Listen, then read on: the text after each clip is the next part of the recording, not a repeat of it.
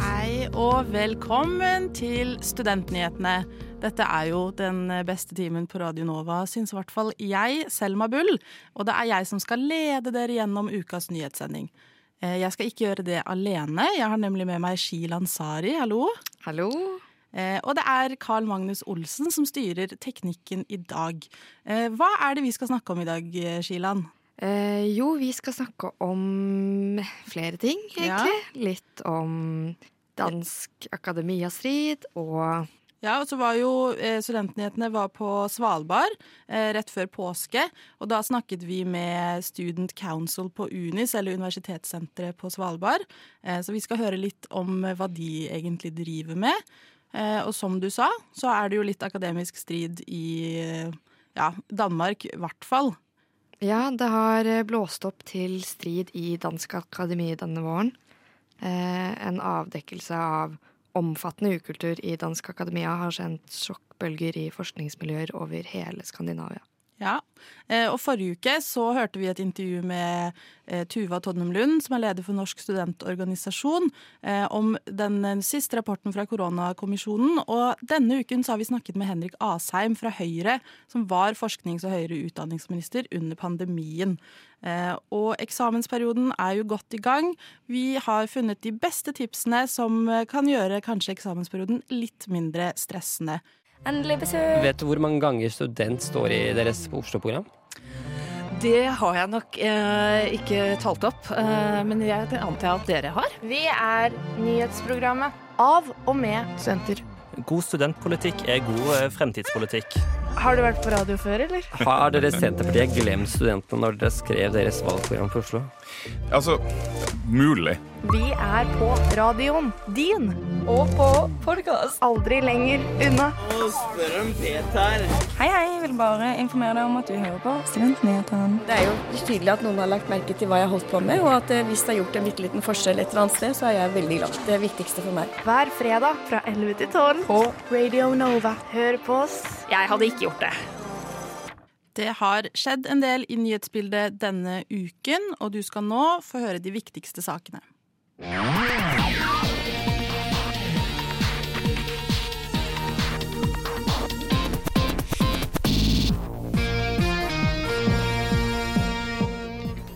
forslaget til revidert statsbudsjett for 2022 foreslår regjeringen å utsette byggingen av havforskningssenteret Ocean Space Center i Trondheim.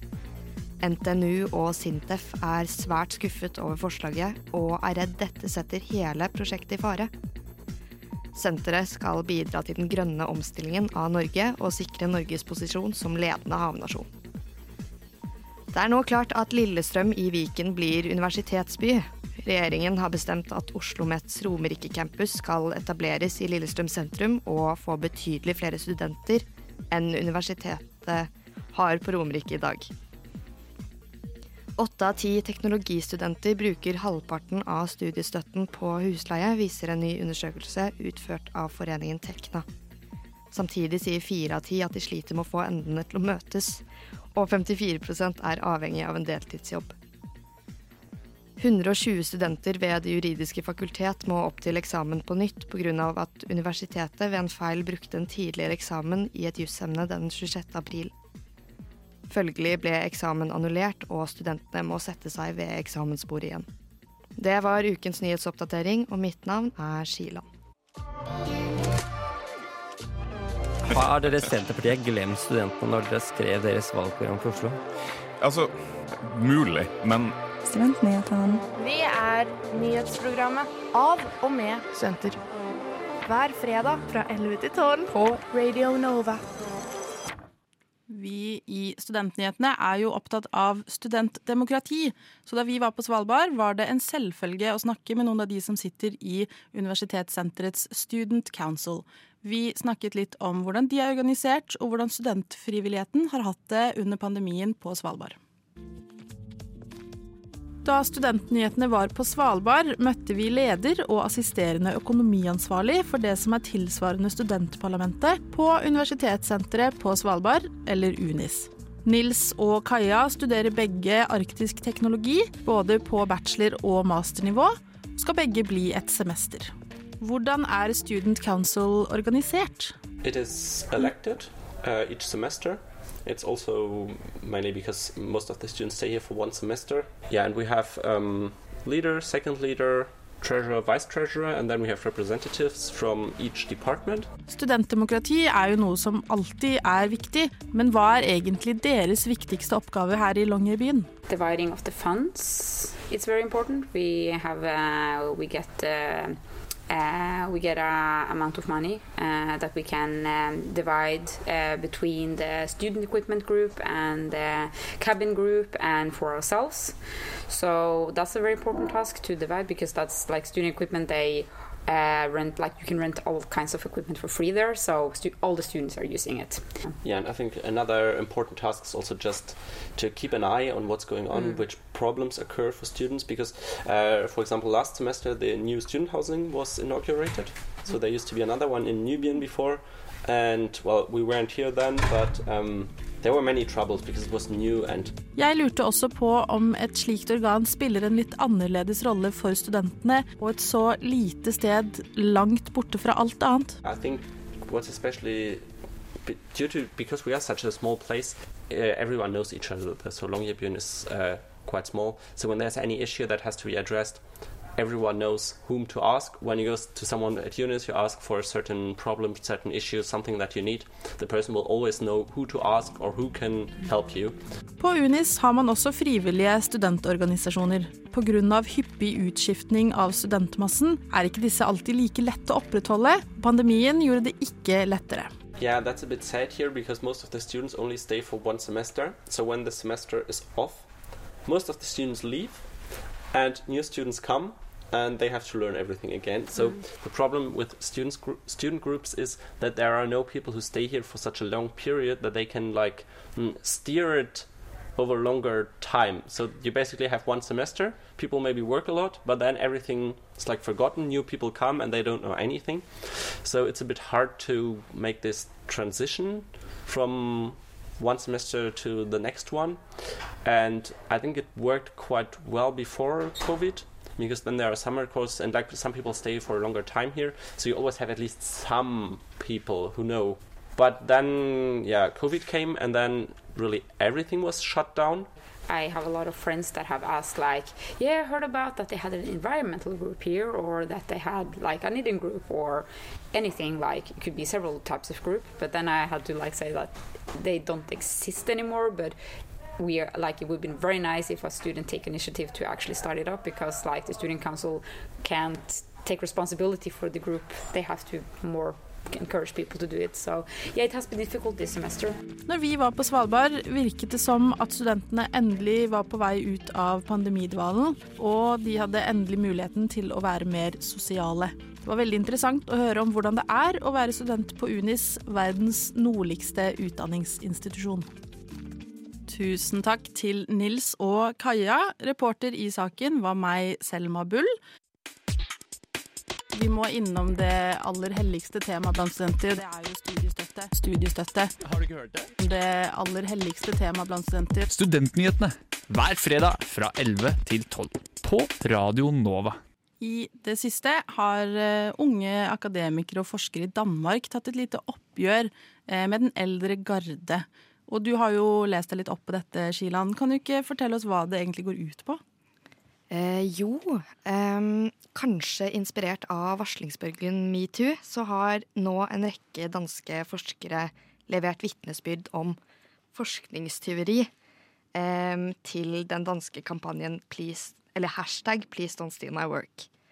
Eh, kampanjen ble startet av eh, den danske statsviteren og ph.d.-stipendiaten Maria Toft i slutten av mars, eh, sammen med den danske PhD Association Network. Eh, og før helga så ble altså 120 vitnemål fra alt i alt 107 anonyme bidragsytere og resten offentlig publisert i avisa Science Report. Er det, er det kun i Danmark dette foregår? Eh, nei, for eh, selv om forst- eller fortellingen har sendt en sjokkfølger inn i dansk akademia, så har det på en måte eh, blitt anerkjent at ukulturen eksisterer i Norge også. Um, og det har en rekke forskere og um, forskere og ombud kommet frem med, da. Um, og ja, det har blitt meldt om lignende historier og fortellinger i Norge også. Og det her handler vel, hvis jeg har forstått riktig, om at uh, eldre forskere sier at de har vært en del av forskning, og så har de kanskje egentlig ikke vært det. Uh, er dette mm, liksom Hva er de vanlige konfliktlinjene mellom unge og eldre forskere? Eh, ja, eh, ja, den rekken med norske forskere og vitenskapsombud har liksom kommet til enighet om den vanligste problemstillingen, eller de tre vanligste problemstillingene. Og av de tre så er den mest velkjente problemstillingen at, som du sa, at konflikten oftest dreier seg rundt medforfatterskap på vitenskapelige artikler. Eh, og hva altså Jeg kan jo ikke så mye om regelverket rundt måte kreditering innen forskning. Eh, hvordan foregår det egentlig? Eh, jo, eh, man har jo noe som Vancu kalles Vancouver-anbefalingene, og det handler om eh, Eller de, de regel, eller regel, retningslinjene går ut på at eh, kreditering kun kan gjøres hvis medforfatteren har bidratt med noe som kalles substansielt innhold. Og hva man legger i substansielt innhold, er jo veldig subjektivt og kan eh, dras i veldig mange retninger. Eh, så eh, tvistene dreier seg ofte om de gråsonene man beveger seg mellom i definisjonsspørsmålet av ordet.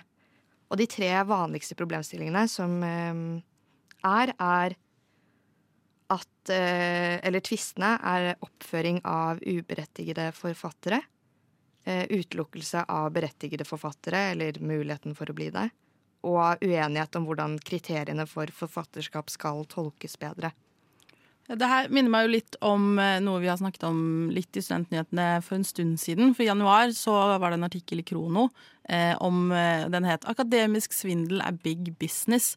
Eh, og her handler det jo rett og slett om eh, såkalte papirmøller, hvor man kan kjøpe seg en medforfattertittel og late som at man har vært en del av forskning, og så har man egentlig ikke hatt noe eh, med det å gjøre. Ehm, og det her, hva tenker du, hvordan kan dette påvirke akademia generelt? Har du noen tanker rundt det?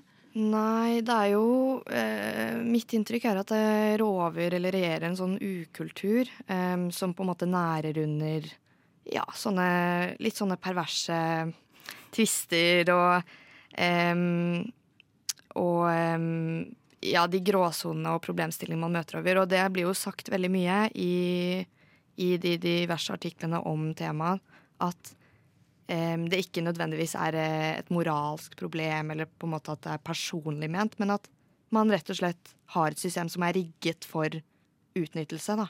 Ja, jeg tenker jo Hvis jeg hadde vært en uh, ung doktorgradsstipendiat nå uh, og jobbet kjempehardt og drevet med masse forskjellig forskning, og så kommer uh, Ola Nordmann, 65 år gammel, og på en måte bare cruiser gjennom og har kanskje korrekturlest litt, men får på en måte navnet sitt plastra på en, en forskningsartikkel Vanskelig ord, det der, altså. Mm. så hadde jeg jo blitt veldig provosert. Um, men du hadde også samtidig kanskje vært litt hjelpeløs, for sånn maktforholdet mellom deg og en merittert professor er utrolig skjev. Og um, derfor så har um, kampanjen lagd, uh, eller oppropet, uh, kommet med en løsning på uklarhetene uh, rundt ja, problemstillingen. Og det har de gjort gjennom et, å sende et brev til um, utdannings- og forskningsministeriet i Danmark der overskriften er 'Sett forskningen fri'. Og det første kravet er at man må ha evaluering og revidering av universitetsloven. Og to, at det blir bevilget mer basismidler til fri forskning, så man slipper den derre eh, utnyttelsen, da. Og, sånn at man ikke får noe insentiv til å på en måte ja, akkrediteres feil. Jeg tenker, um, ja. Nei, jeg bare tenker at uh, som du sier, det må jo finnes i ikke bare Norge, men over hele verden og Europa. Eh, så jeg er veldig spent på å følge med på dette. Det må jo skje en eller annen endring. Det er jo ikke greit at eh, forskning som vi da kanskje leser, studenter, eh, egentlig er basert på, på, på en måte feil ting, og det er egentlig ikke de forfatterne Altså Jeg syns jo det gjør jo forskningen litt svak i seg selv, hvis det er så lett å på en måte endre og, og fuske med forfattertitlene og medforfattertitlene samordna opptak. Det handler om rettssikkerheten eh, til norske studenter. Akademia Strid. OsloMet. Universitetet i Oslo. Studerer Studentnyhetene. Hver fredag fra 11 til 12. Eh, og vi skal snakke litt mer om eh, koronakommisjonens rapport, som ble publisert forrige uke. Og forrige uke så hadde vi jo eh, eh ikke besøk, men vi hadde snakket med Tuva Todnem Lund, som er den leder for Norsk studentorganisasjon. Eh, og jeg kan jo si at kommisjonens mandat er å kartlegge hvordan pandemien har rammet den norske befolkningen. Og da inkluderer man tiltak og støtteordninger. Og i rapporten så kommer det frem at studentene har slitt både økonomisk og psykisk. Denne uken har vi snakket med Henrik Asheim, eh, som var forsknings- og høyere utdanningsminister fra 2020 til 2021. Eh, og vi ville høre litt om hva han selv tenker om rapporten, eh, og hvordan regjeringen han var en del av, taklet pandemien med tanke på studenter. Hva var dine viktigste saker som forsknings- og høyere utdanningsminister? Altså det viktigste da jeg kom inn, var jo å gjøre utdanningene mer arbeidsrelevante. Altså altså relevante for studentene i de jobbene man skal ut i senere. Og også gjøre utdanning tilgjengelig for flere, også voksne som skulle ta etter- og videreutdanning. Men da pandemien eh, stengte Norge ned 12.3, så var det jo selvfølgelig veldig mye tid og krefter som også gikk med til det. På å sørge for at man håndterte det på en god måte for vår sektor. Og så kommer det jo frem i denne rapporten fra koronakommisjonen eh, at eh, pandemien har vært en betydelig belastning for studentene. Eh, hva tenker du om det? At det er jo dessverre velkjent. Vi fikk jo mange alvorlige tilbakemeldinger og rapporter også underveis mens jeg fortsatt var statsråd, fra både SHoT-undersøkelsen, studiebarometeret, mange ulike ting. Og ikke minst hadde jeg veldig mange riktignok digitale møter med studenter på ulike institusjoner rundt om i landet for å høre hvordan det sto til, hva som gikk bra og hva som måtte bli bedre. Så vi var veldig godt kjent med at eh, når vi stenger ned et land og veldig mange må holde seg hjemme, så er det veldig tøft for særlig unge mennesker som uh, kanskje har flyttet hjemmefra og bor på studenthybel. Mye av det som du sier er jo velkjent, det som kommer frem i rapporten, uh, og er temaer som studentene selv har prøvd å belyse gjennom hele pandemien. Uh, hører man nok på studentene? Ja, Det vil jeg mene, men det å lytte til ulike grupper i en sånn situasjon, det er ekstra viktig. Og studentene hadde vi veldig god og mye kontakt med. Så er det klart at Denne pandemien og diskusjonen rundt dette endret seg jo også hvis man tenker tilbake. For de første nedstenging og diskusjonene handlet veldig mye om økonomi. Altså Det handlet om at mange studenter mistet deltidsjobben sin, og presset også fra studentbevegelsen var helt riktig. Å sørge for at man fikk opp eh, støtteordninger rent økonomisk for studenter. Og så etter hvert så så vi jo også hvor belastende det var når pandemien varte lenger enn vi kanskje først håpet. Eh, rent mentalt og, og fysisk og psykisk. da å oppleve å sitte mye alene og ha mye digital undervisning. Og nå gikk du litt inn på det jeg også tenkte vi må innom. Eh, for det kom jo en krisepakke som innebar eh, lån og stipend. Eh, og denne krisepakken reagerte jo veldig mange på. Eh, og daværende leder for Norsk studentorganisasjon, Marte Øyen, mente jo at det var en forskjellsbehandling av norske arbeidstakere. Eh, fordi at studentene som har deltidsjobb, burde få økonomisk støtte eh, og ikke en større gjeldsbyrde. Hva tenker du om det? Ja, altså Vi diskuterte det mye, og en av de tingene som, som jeg også uh, har sagt at jeg skulle ønske vi gjorde litt annerledes, det var å ha en større stipendandel også på den første pakken. Da handlet det veldig mye for vår del, uh, etter tilbakemelding fra studenter, om å få raskt penger gjort tilgjengelig. fordi Pandemien stengte jo ned Norge 12.3. Det betyr at mange hadde en lønning til gode som de skulle få. De fikk studielån utbetalt omtrent samtidig som vi stengte ned. Men fra midten av april og mai så var det veldig krevende for mange. og Da handlet det om å veldig raskt i Lånekassen gjøre pengene tilgjengelig. Så kan man diskutere om det skulle vært mer stipend senere. Det ble jo omgjort mer til stipend i Stortinget. Og den neste pakken vi gjorde, så hadde vi jo den samme stipendandelen som på resten av studielånet. Så jeg er godt kjent med studentenes eh, mening om dette, men alt i alt så mener jeg at vi klarte å lage smidige ordninger med svært få kontrollordninger.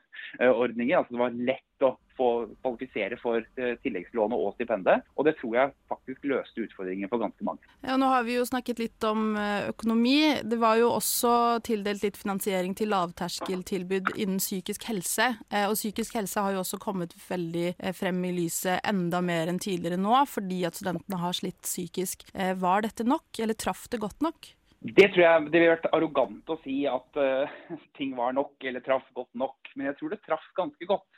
Eh, det er viktig å huske på at eh, akkurat som på økonomi, så viste det seg at studentene egentlig klarte seg veldig bra økonomisk. Altså Hvis man ser på SHoT-undersøkelsen, så viser det at det var et lavere problem enn for lenge.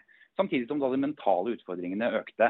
Og Vi svarte jo på dette både ved å skalere opp altså studenttelefonen, psykisk helse, psykisk helse sin studenttelefon. Vi gjorde det ved å oppbemanne i eh, disse samskipnadene, som fikk ganske store rom til både å lage lavterskel tilbud, men også sosiale arrangementer. Og vi brukte penger på å tilby deltidsstillinger til mange studenter. og Jeg har vært og besøkt mange av dem sommeren 2021 når det var mulig å reise igjen. Som fikk i gang aktiviteter både under eh, semester, studiesemestrene, men også om sommeren mellom for de som ble værende igjen, f.eks. Så, så alt i alt så mener jeg vi klarte å mobilisere den fantastiske studentfrivilligheten vi har, og alle de flinke ansatte vi har i denne sektoren, til å gi gode tilbud til mange studenter. Men godt nok, det tror jeg nok ingen kan si på noe område i pandemien at det har vært. Og så har jo psykisk helse blant studenter vært et tema veldig lenge, eller det psykiske helsetilbudet. Eh, hvorfor kreves det en pandemi før man setter inn slike tiltak eh, som har blitt gjort nå? Det gjør det jo ikke, for det har jo blitt satt inn tiltak også før dette. Men det er klart at da vi eh, så hvor stort omfanget kom til å bli, fordi i en del byer særlig så var veldig mye stengt ned, veldig mange var alene. Da var det jo en ekstra viktig satsing å sørge for at man fikk opp et et oppskalert tilbud som ikke nødvendigvis kanskje er nødvendig å være like stort i normalår som i en pandemi. Så Det som vel egentlig skjedde, var jo bare at vi skalerte voldsomt opp og kom opp med noen helt nye løsninger, nemlig å kunne ansette studenter til å lage lavterskel sosiale tilbud for sine medstudenter. Så så det er klart at uh, Når sånt som dette skjer, så må også vi som er politikere og myndigheter tenke litt nytt. og Det gjorde vi i god dialog med studentene for å komme opp med det som traff best. Eh, så tenker jeg vi må, vi må innom det aller helligste temaet blant studenter, og det er jo studiestøtte. Eh, for flere av studenter mm. jobber jo ved siden av studiet og er avhengig av denne inntekten. Og så var det jo veldig mange som ble permittert eller mistet jobben sin. Og så var det, fikk vi to ekstra lån med stipendandel. Er det egentlig den mest gunstige ordningen? Vi er veldig åpne for å se på hvordan disse ordningene kan lages. Men det jeg mener veldig sterkt, og som vi hadde mye diskusjon med studentene om, det er at det bør være ordninger gjennom Lånekassen. Man kan godt diskutere beløp, eller om det skal være stipend eller lån osv. Men det som jeg tror er veldig viktig for studentene, og dette tror jeg egentlig er det beste for studentene også, det er at man ikke da skal sluses inn i Nav-systemet. For i Nav-systemet så er det veldig mange strenge kriterier for å i det hele tatt få f.eks. dagpenger. Forutsetningen for å få dagpenger det er at du skal ha hatt en høyere inntekt enn de fleste studenter har hatt, så de vil ikke kvalifisert den veien. Det andre er at du skal være tilgjengelig for alle hel- og deltidsstillinger over hele Norge, eh, og klar til å ta dem fra dag én. Dette er jo kriterier som gjør at studenter flest ville falt igjennom og ikke fått dagpenger. Men gjennom Lånekassen så kan vi lage mye enklere kriterier som er ja, som, som, krever mye mindre dokumentasjon, men som gjør at du får pengene raskt inn. Lånekassen har telefonnummeret ditt, de har bankkontonummeret ditt, de vet hvor du er. Og de kan veldig raskt betale ut ekstra beløp dersom det er behov for det. NSO eh, jobber jo hardt for at studiestøtten skal knyttes til grunnbeløpet i folketrygden, og at den skal økes til 1,5 G. Eh, kunne det hjulpet i en situasjon vi var i, i under pandemien? Altså jeg tror eh, selvfølgelig, altså Hadde studiestøtten vært høyere generelt, så ville jo det også avhjulpet mange. Men det er verdt å merke seg. fordi vi er jo veldig opptatt nå av å lese grundig de forskningsrapportene og tilbakemeldingene vi får. Vel, det den samme forskningen viser, er at den bekymringen som gikk mest ned hos studenter, det var økonomi. Og Det skyldes jo ikke at uh, studiestøtten økte, men det skyldtes at uh, utgiftene gikk ned. rett og slett. Eh, man hadde mindre ting man kunne bruke penger på. Man, mange flyttet også hjem. Vi tok jo ikke fra folk som flyttet hjem borteboerstipendet sitt f.eks. Og det gjorde tross alt da, at man hadde litt bedre handlingsrom.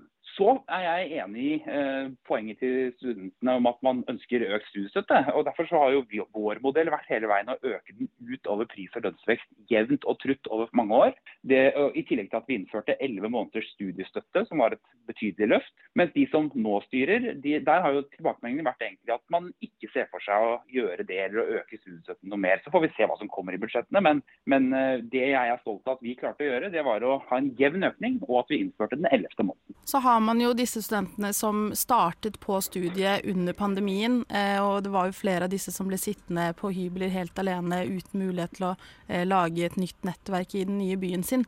Eh, ble det gjort, gjort nok for disse studentene?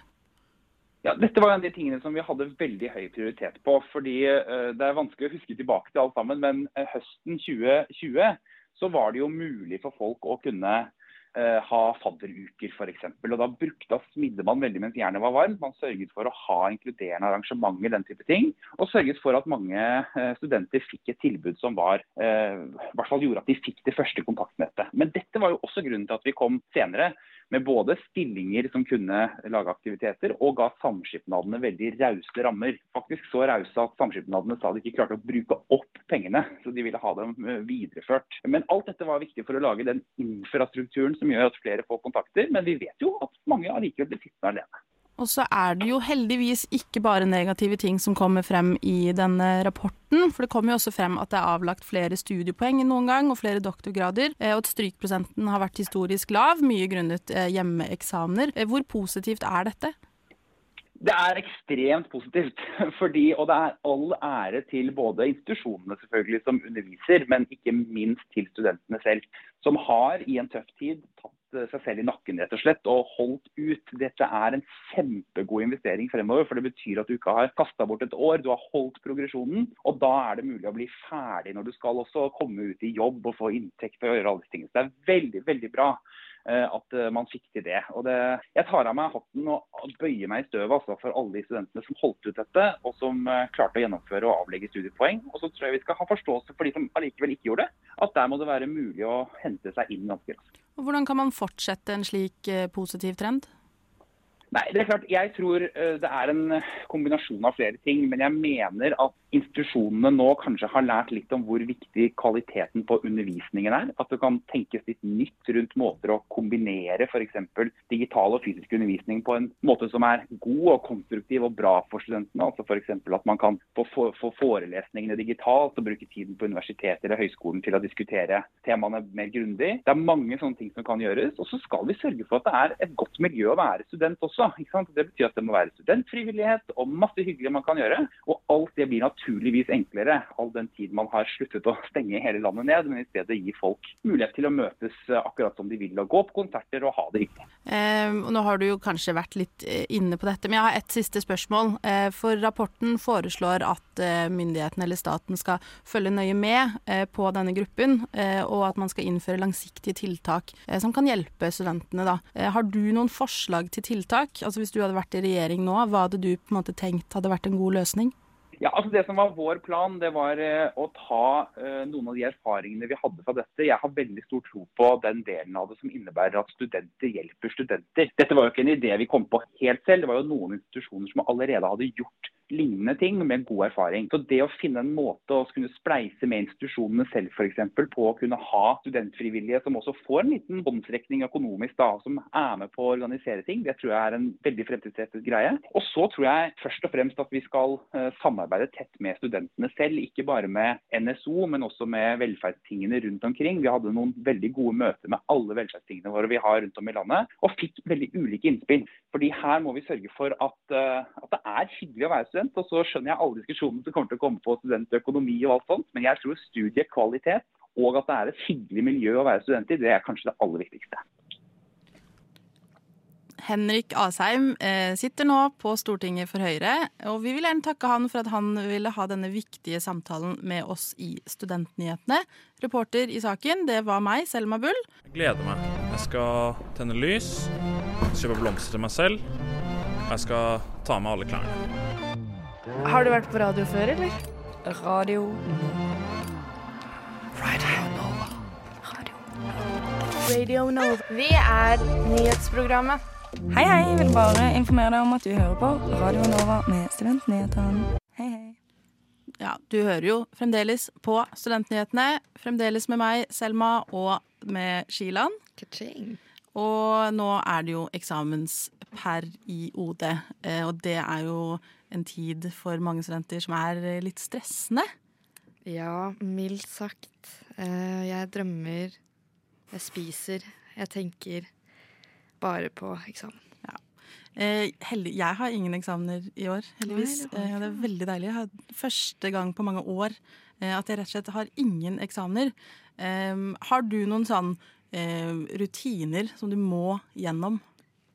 Eh, ja, det Det er vel bare å vente til eh, det derre eh, Til sirenen går av i hodet mitt og jeg kommer i eksamensmodus og blir stressa fordi jeg ikke har gjort nok.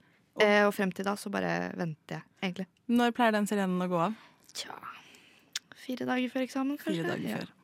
Jeg, eh, når jeg begynte på studiet, så var jeg veldig skippertakstudent. Eh, og så etter hvert i bacheloren så skjønte jeg at oi, det er jo egentlig ganske digg å jobbe jevnt. For da slipper du skippertak. Eh, men jeg har funnet fram Det her er fra UiO sin nettside. Fordi på nettet så er det jo et hav av artikler og her er ekspertenes beste eksamenstyps, bla, bla, bla. Det kan jo være litt overveldende bare det. Hvis du sitter og er stressa og sånn, OK, nå skal jeg google det, så får du bare dødsmye informasjon. Så jeg tenkte vi samler det litt, eh, og kan jo gå gjennom det sammen.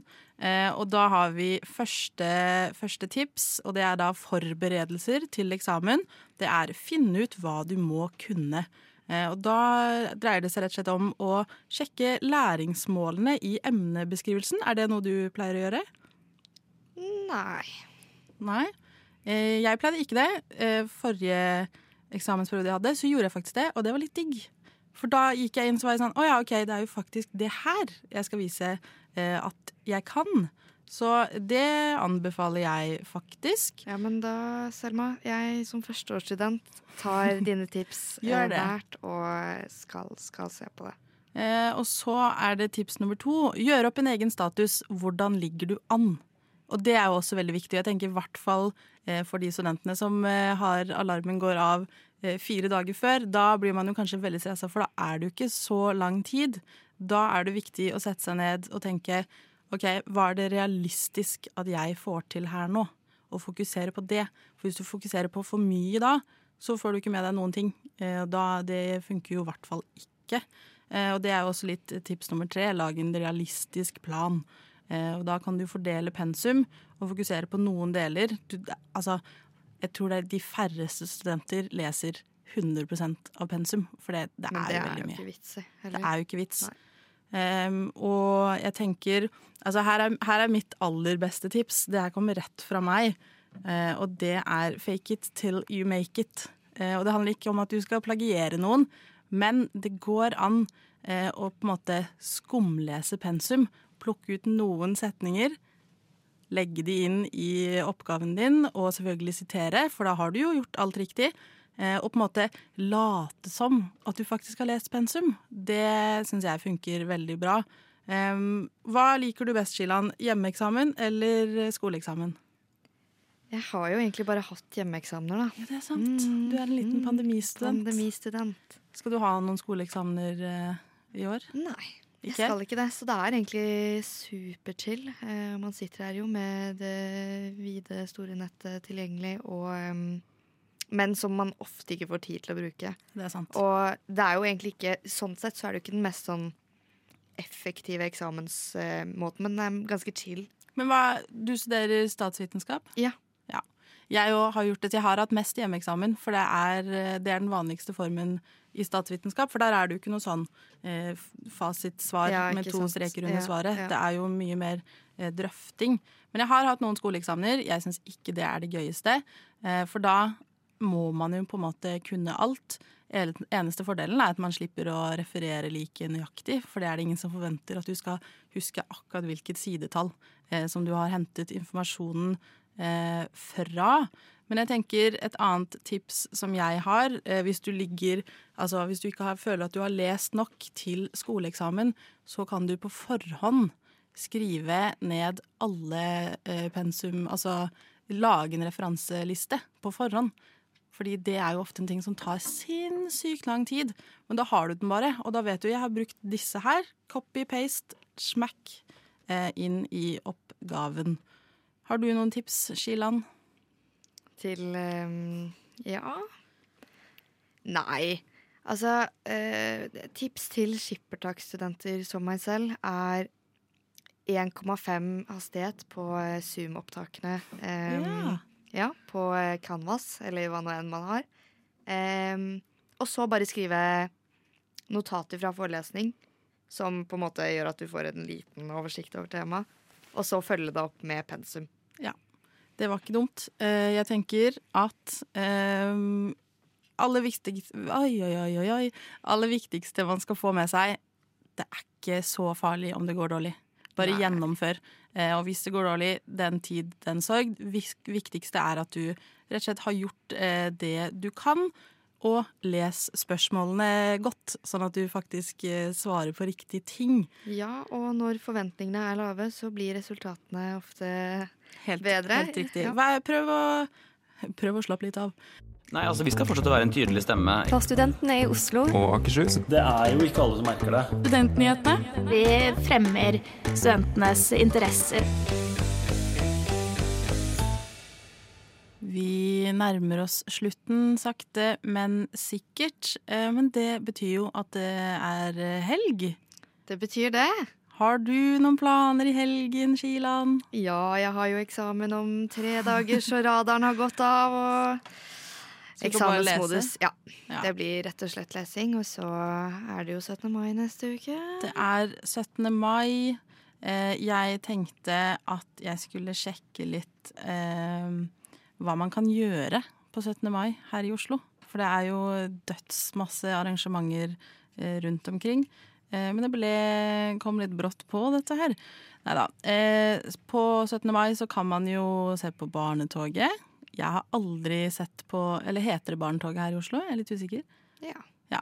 Eh, det har jeg aldri gjort i Oslo, så jeg har tenkt å gjøre det. Og se på alle de søte barna vinke til Knugen og dronningen. Ja. Eh, og så er det jo masse restauranter og utesteder som har litt forskjellige arrangementer.